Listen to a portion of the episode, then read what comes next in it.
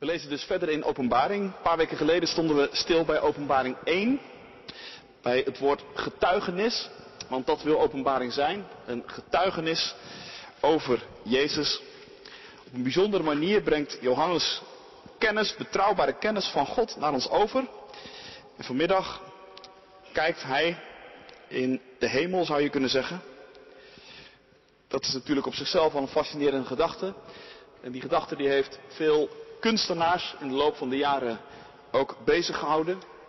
En een daarvan is Albrecht Dürer, de Duitse kunstenaar, ongeveer tijdgenoot van Luther, ietsje later. En van hem heb ik een uh, afbeelding in de liturgie opgenomen. Naar aanleiding van openbaring 4. Dus u kunt mee luisteren, maar u kunt ook luisteren en tegelijk kijken. Horen wij het woord van God. Hierna, dat is nadat Johannes de zeven brieven heeft gedicteerd gekregen, had ik een visioen. Er stond een deur open in de hemel. De stem die me eerder had toegesproken met het geluid van een bazuin zei nu, kom hierboven, dan laat ik je zien wat er hierna gebeuren moet. Op hetzelfde moment raakte ik in vervoering. Er stond een troon in de hemel en daarop zat iemand. Degene die daar zat had een uiterlijk als van jaspis en sarder. En rond de troon was een regenboog die eruit zag als smaragd. Om de troon heen stonden 24 andere tronen, waarop 24 oudsten zaten. Ze droegen witte kleren en hadden een gouden krans op hun hoofd. Van de troon gingen bliksemschichten uit en donderslagen en groot geraas. En voor de troon brandden zeven vurige fakkels. Dat zijn de zeven geesten van God. Ook lag er voor de troon iets als een zee van glas, van kristal. En midden voor de troon en eromheen waren vier wezens, die van voren en van achteren een en al oog waren.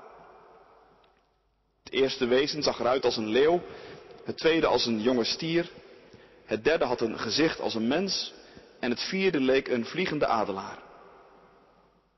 Elk van de vier wezens had zes vleugels, met overal ogen langs de randen en aan de binnenkant.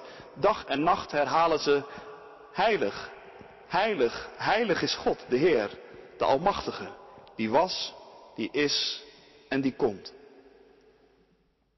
Het telkens als deze wezens lof, eer en dank brengen aan degene die op de troon zit en die tot in eeuwigheid leeft, werpen de 24 oudsten zich neer voor hem die op de troon zit en aanbidden hem die leeft tot in eeuwigheid en leggen hun kransen voor zijn troon met de woorden, U komt alle lof, eer en macht toe, Heer onze God, want U hebt alles geschapen. Uw wil is de oorsprong van alles wat er is. Tot zover de lezing. Dit is gemeente vanmiddag het woord van God voor jou, voor u, voor mij. Gelukkig zijn wij als we het woord van God horen, dat bewaren in ons hart en daaruit leven. Halleluja. Amen. Gemeente van Christus, broeders en zusters. De openbaring van Johannes zou je een medicijn tegen blikvernauwing kunnen noemen. Want Johannes is een ziener en zijn blik reikt ver. En wij krijgen vanmiddag samen met Johannes dingen te zien die ons anders zomaar tot onze schade zouden kunnen ontgaan. Aan het begin van hoofdstuk 4 wordt onze blik omhoog gericht. Tegen alle blikvernauwing in gaat er een deur open. En die open deur, dat moet voor Johannes een geweldige opluchting geweest zijn. In de twee vorige hoofdstukken werden hem zeven brieven gedicteerd. Brieven voor hele concrete gemeenten, met heel duidelijk omschreven en vaak ook heel herkenbare zorgen en zegeningen. En hoe gaat dat? vooral van zorgen geldt dat ze je nogal in beslag kunnen nemen. Dat weten wij allemaal. Zorgen brengen blikvernauwing met zich mee. Als je zorgen hebt, dan raak je in jezelf gekeerd. Je herkent het vast. En dan kan het een geweldige opluchting zijn als er, om het even zo te zeggen, een deur voor je wordt opengezet. Als er iemand is die je een uitweg wijst. En die zegt, kijk daar eens even naar. Had je daar al aan gedacht? Of lees dit eens. Want je bent niet de eerste en de enige die hiermee zit. En ineens kun je dan zomaar een deur voor je zien opengaan. Een uitweg ervaren waar je hem eerst niet zag. En je voelt je van het ene op het andere moment ineens stukken lichter. Zo ziet Johannes in Openbaring 4 een deur openzwenken. En die deur geeft hem een kijkje in de werkelijkheid van God. En het is overweldigend. Zometeen zoomen we nog wat verder in op een aantal details. Maar je moet bij die visioenen ook zeker niet de totaalindruk vergeten die ze maken. Wat Johannes ziet, dat ademt aan de ene kant rust en harmonie. En tegelijkertijd is het niet stilstaand of saai of. Nee, het is vol van energie. Vol van leven. Vol van actie. Aan de ene kant is het verpletterend en overweldigend. Maar tegelijk is het ook iets eenvoudigs, zou je bijna zeggen, in de meest diepe zin van het woord.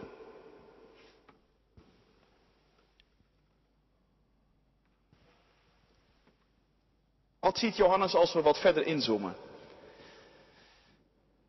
Het eerste dat opvalt is een troon. Het woord troon is trouwens veruit het meest voorkomende woord in dit hoofdstuk en dat zet ons meteen ook op een spoor.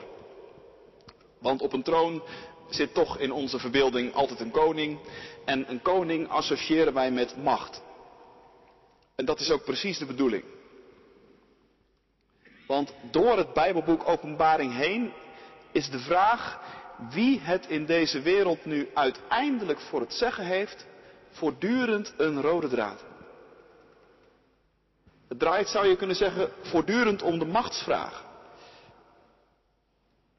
En die vraag, die krijgt in dit hoofdstuk in ieder geval het begin van een antwoord.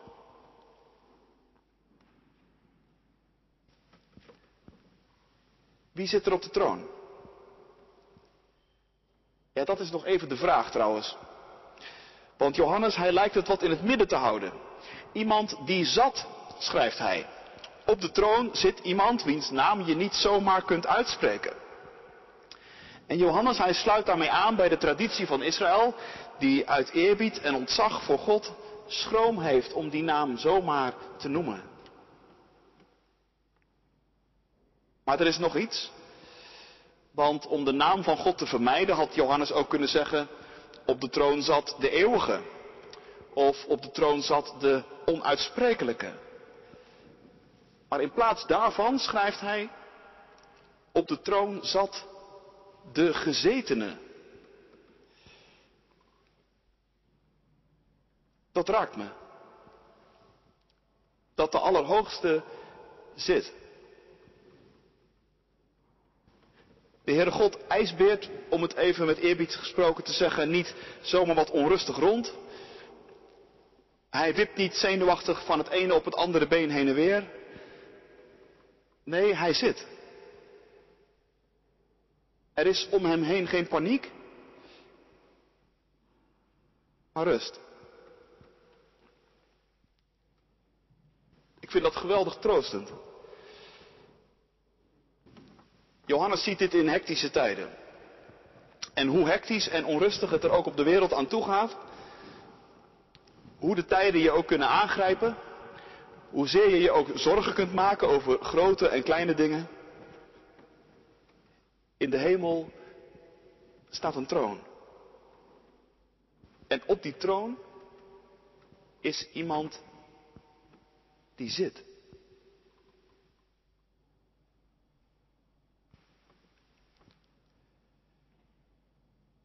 En hoewel we zijn naam dus nog even niet te horen krijgen, kunnen we als we goed kijken al wel wat meer over hem te weten komen.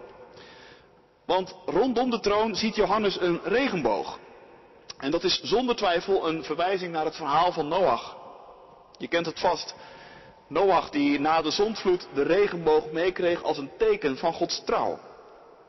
Met de belofte erbij dat God zelf, als hij deze boog in de wolken zou zien, zou gedenken aan zijn verbond. Het verbond tussen de schepper aan de ene kant en alle levende wezens op aarde aan de andere kant. Hij die op de troon zit is dus niet zomaar iemand zonder gezicht. Integendeel. Het is de God die we hebben leren kennen als de betrouwbare. Als degene die koste wat het kost vasthoudt aan waar hij ooit mee begonnen was.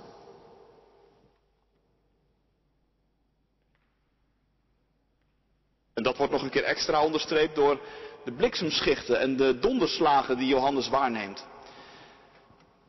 Dat is een verwijzing naar een ander cruciaal moment uit de geschiedenis van Israël. Als God aan Mozes de tien geboden geeft, dan gaat dat namelijk met precies dezelfde verschijnselen gepaard. Ook dan dondert het en bliksemt het. En beeft de berg Sinaï, lees je in Exodus 19. De tien geboden dus. Dat sluit aan bij die regenboog. De regenboog als teken van het verbond. De donder en de bliksem als teken van het geven van de geboden. De akte van het verbond zou je kunnen zeggen. Tien regels die Israël meekreeg om binnen het verbond met God te blijven leven. Tien keer gij zult. Tien regels en tien beloften tegelijk. Want gij zult kun je lezen als je moet. En daar zit ook wel iets in. Maar gij zult kun je ook lezen als iets toekomstigs. Iets dat ooit werkelijkheid wordt en gaat gebeuren. Er komt een moment dat er geen andere goden meer gediend zullen worden in plaats van hem die op de troon zit. Er komt een moment dat je zijn onuitsprekelijke naam niet meer ijdel, zomaar of zinloos zult gebruiken. Er komt een moment dat er niet meer gestolen zal worden of gedood. Er komt een moment dat, nou ja, zo kun je dus eigenlijk alle geboden nagaan, denk ik. En daar zal Hij voor zorgen. Hij die op de troon zit.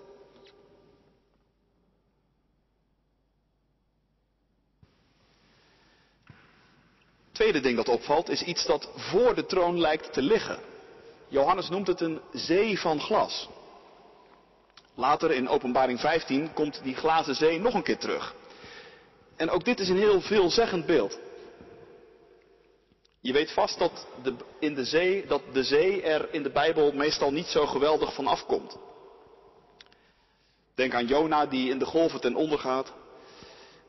Denk aan Paulus als hij schipbreuk leidt en te nauwe nood zwemmend een eiland bereikt. Water, dat is in de Bijbel meestal iets bedreigends.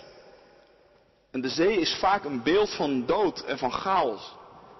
En van onrust. En van duivelse machten. Het is een onberekenbare en onbetrouwbare plek. Op het ene moment kalm, maar op het andere moment vol onrust en levensgevaarlijk. En golven kunnen je letterlijk of figuurlijk over het hoofd slaan en je meesleuren naar de ondergang. Zeevaren, dat lieten de mensen van Israël graag over aan andere volken. Een beetje vissen op het meer van Galilea, dat was al meer dan genoeg. En zwemmen, dat deed je niet voor je plezier. De zee. Is een onrustig ding dus. En je herkent het misschien ook zelf als een beeld voor je eigen leven. Of voor de wereld om je heen. Altijd reuring. Altijd beweging. Soms ook duister en dreiging. Want wie kan er tot op de bodem van zijn eigen ziel kijken? Maar Johannes ziet dus een zee van glas. Van kristal staat erbij. Geen onrustige zee dus, vol continu in beweging, geen woestende, kolkende massa's. Nee, een glazen zee. Transparant tot de bodem. En tot stilstand gekomen als het ware. En God kijkt vanaf zijn troon de zee tot op de bodem in de ogen, zou je kunnen zeggen. Voor hem herbergt de zee geen geheimen. Voor hem is de zee ook niet bedreigend. Hij laat zich er niet zomaar door van zijn stuk brengen. Zo is voor God de werkelijkheid. Zo kijkt Hij naar de wereld. En zo, denk ik, kijkt Hij ook naar jou en mijn leven. Dat is voor Hem als een zee van glas. Transparant tot op de bodem.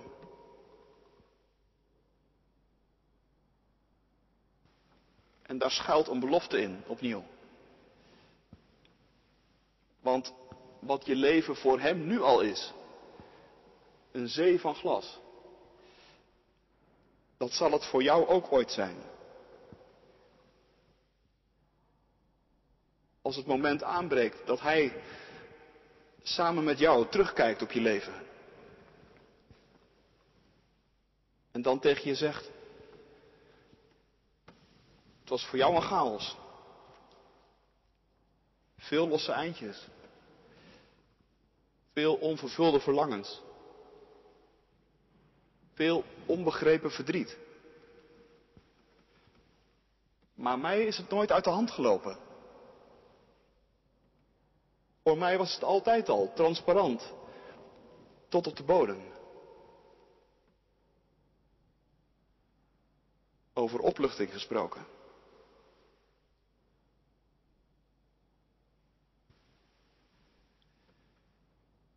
En dan het derde. Johannes ziet niet één troon, nee, daaromheen staan er nog 24. En op die 24 tronen zitten oudsten, staat er. En oudsten, dat is ook een term, die komt weg uit het Oude Testament. De oudsten, dat zijn daar de vertegenwoordigers van de twaalf stammen van Israël. Zij representeren dus Israël, zou je kunnen zeggen, als geheel. Maar waarom zijn het er hier 24? Nou, zoals je weet spelen getallen in het Bijbelboek Openbaring een hele belangrijke rol. En die getallen zijn niet willekeurig, maar die zijn altijd heel bewust gekozen. Niet willekeurig, maar wel symbolisch. We kwamen het getal 7 al tegen. 7 kennen we als het getal van de volheid, van de totaliteit. Zeven kandelaren en zeven brieven. En straks komen ook nog zeven zegels, zeven bazuinen en zeven schalen. Maar hier gaat het dus over 24. En 24, dat is twee keer 12. En de meeste uitleggers gaan ervan uit dat hier de verdubbeling van de twaalf stammen van Israël bedoeld is. Aan de twaalf stammen van Israël zijn de twaalf apostelen toegevoegd. En zo is in die 24 oudsten het hele volk van God vertegenwoordigd, zou je kunnen zeggen. Het volk van God uit Israël en het volk van God uit de andere volken. uit de heidenen. En dat die 24 oudsten zo dicht bij die troon van God staan, dat maakt duidelijk hoe geweldig betrokken God is op zijn volk. Israël in de eerste plaats. Maar niet minder gelukkig ook op de kerk. En op jou en mij. Als onderdeel daarvan. Ook in die 24 oudsten zit dus een belofte verborgen. De belofte dat God ons kent. Dat Hij ons ziet. En dat Hij voor ons zorgt.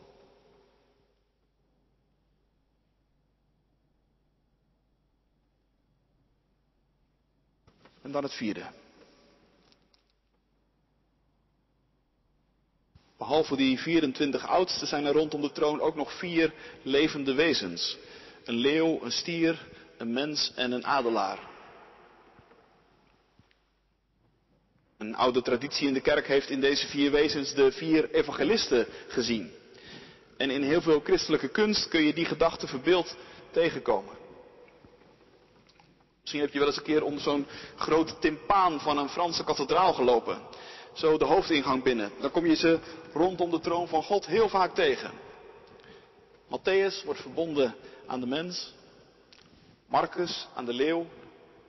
Lucas aan de stier. En Johannes aan de adelaar. En in veel kerken kom je ook lezenaars tegen in de vorm van een adelaar. En waarom is dat dan? Nou, het is juist Johannes de evangelist die zo heel nadrukkelijk over het woord van God spreekt als hij Jezus bedoelt. Mooie gedachte. Dat in veel kerken de plek waar het woord van God op open ligt, de vorm heeft van een adelaar. God in de hemel laat van zich horen. Door middel van zijn getuigen. En die vier evangelisten, die zijn de vier hoeken van de wereld ingegaan. En gaan dat nog steeds.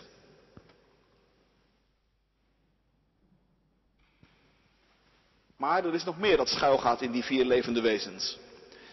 Want bij elkaar, zegt weer een andere uitlegtraditie, bij elkaar vertegenwoordigen zij de hele schepping. Het leven op aarde bestaat niet alleen maar uit mensen. Er zijn getemde dieren, daar staat de stier symbool voor. Er zijn wilde dieren, vertegenwoordigd door de leeuw.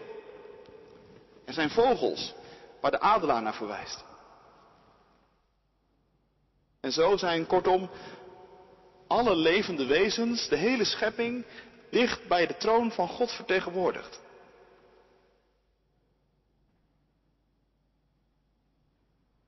En die levende wezens staat er ook nog zijn vol ogen.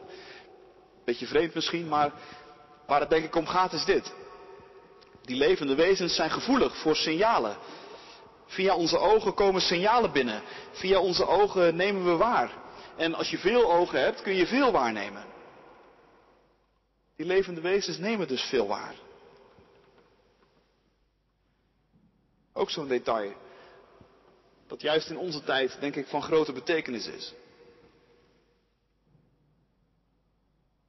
De dieren zijn geen dingen.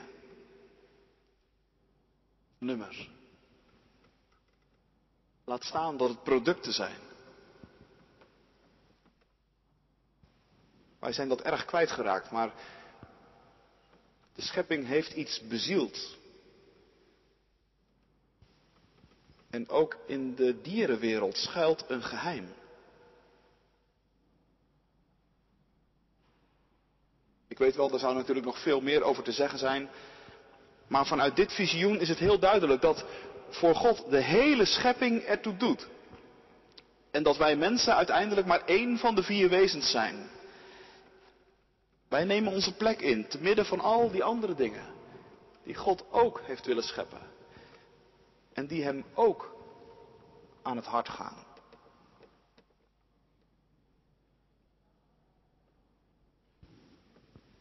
En zo is er rondom de troon van de Allerhoogste van alles te zien. Maar de rode draad die al die verschillende dingen aan elkaar verbindt, die is niet te zien, maar te horen. Want rondom de troon van God is een machtige aanbidding gaande. Een soort van hemelse liturgie zou je kunnen zeggen. Heilig, heilig, heilig, Heer onze God. De Almachtige die was en die is en die komt. Zo klinkt het uit de mond van die vier levende wezens. Waardig zijt gij, onze Heer en God, om te ontvangen glorie, eer en kracht. Zo klinkt het uit de mond van die 24 oudsten. Waardig. Prachtig woord is dat. Onze God is aanbidding waardig. Waarom? Omdat Hij de Almachtige is. Meer nog, omdat Hij de God van het verbond is, die Zijn macht en Zijn majesteit niet zomaar willekeurig inzet, maar die alles wat Hij heeft inzet om het verbond dat Hij ooit gesloten heeft met ons en met deze wereld in stand te houden. De regenboog die boven zijn troon staat, is er het bewijs van.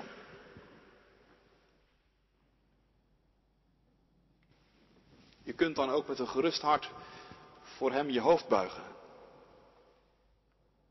En mee gaan zingen met die 24 oudsten en met die vier levende wezens. Want hun zingen werkt aanstekelijk. En dat is denk ik ook een van de belangrijkste redenen waarom wij hier in de kerk in de aardse liturgie zingen. In alle gebrekkigheid is dat een zwakke echo, zou je kunnen zeggen, van wat er gebeurt in dit visioen van Johannes. En als je zingt, als je meezingt, dan doet dat iets met je. Dan word je daar een ander mens van. Als ik bezig ben met God, zei iemand van de week nog tegen mij, dan heeft dat zo'n heilzame en corrigerende werking op me.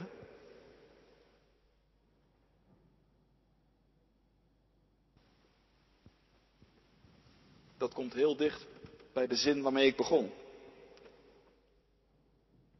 Dat je de openbaring van Johannes een medicijn tegen blikvernauwing zou kunnen noemen.